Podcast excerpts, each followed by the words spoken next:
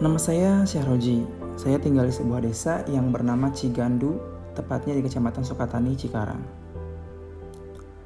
Saya mau menceritakan sebuah peristiwa yang pernah terjadi di desa saya pada tahun 2017 lalu. Saat itu ada seorang ibu-ibu, kita panggil saja namanya Ibu Siti. Beliau merupakan warga tetangga desa saya dan keseharian adalah seorang penjual jajanan otak-otak keliling Sebenarnya beliau ini jarang menjajakan dagangannya ke desa lain. Akan tetapi entah kenapa pada hari itu dia mencoba peruntungannya berkeliling ke desa-desa lain dan kebetulan masuk ke desa saya. Setelah hampir setengah hari dia berkeliling ke desa ternyata hanya mampu menjual beberapa potong otak-otak saja hingga akhirnya dia tiba di sebuah sekolah dasar yang di luarnya terlihat ada satu orang anak perempuan dan empat orang anak laki-laki sedang bermain.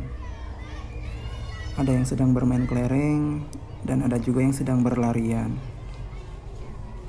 Alhamdulillah ada anak-anak. Mudah-mudahan mereka mau jajan. Pikirnya. Dengan segera, Bu Siti menuju ke arah anak-anak tersebut.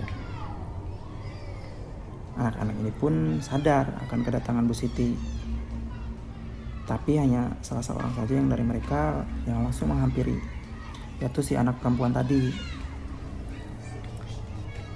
Dan alih-alih membeli dagangan Bu Siti, anak perempuan itu cuma berkata, Bu, dagangnya ke dalam kampung saja, masuk sambil menunjukkan tangannya ke arah jalan masuk kampung. Dan kemudian anak itu kembali berlari menuju teman-temannya. Agak kecewa, Bu Siti terdiam sejenak dan kemudian bergegas kembali berkeliling ke arah masuk desa yang disarankan si anak tadi.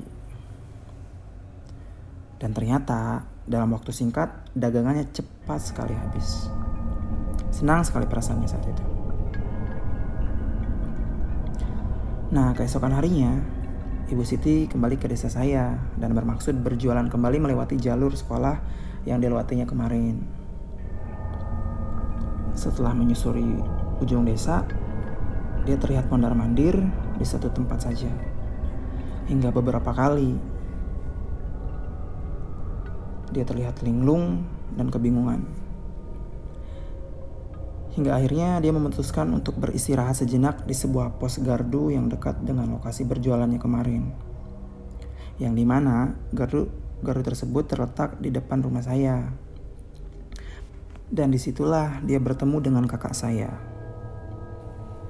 Dengan kondisi kebingungan, beliau bertanya,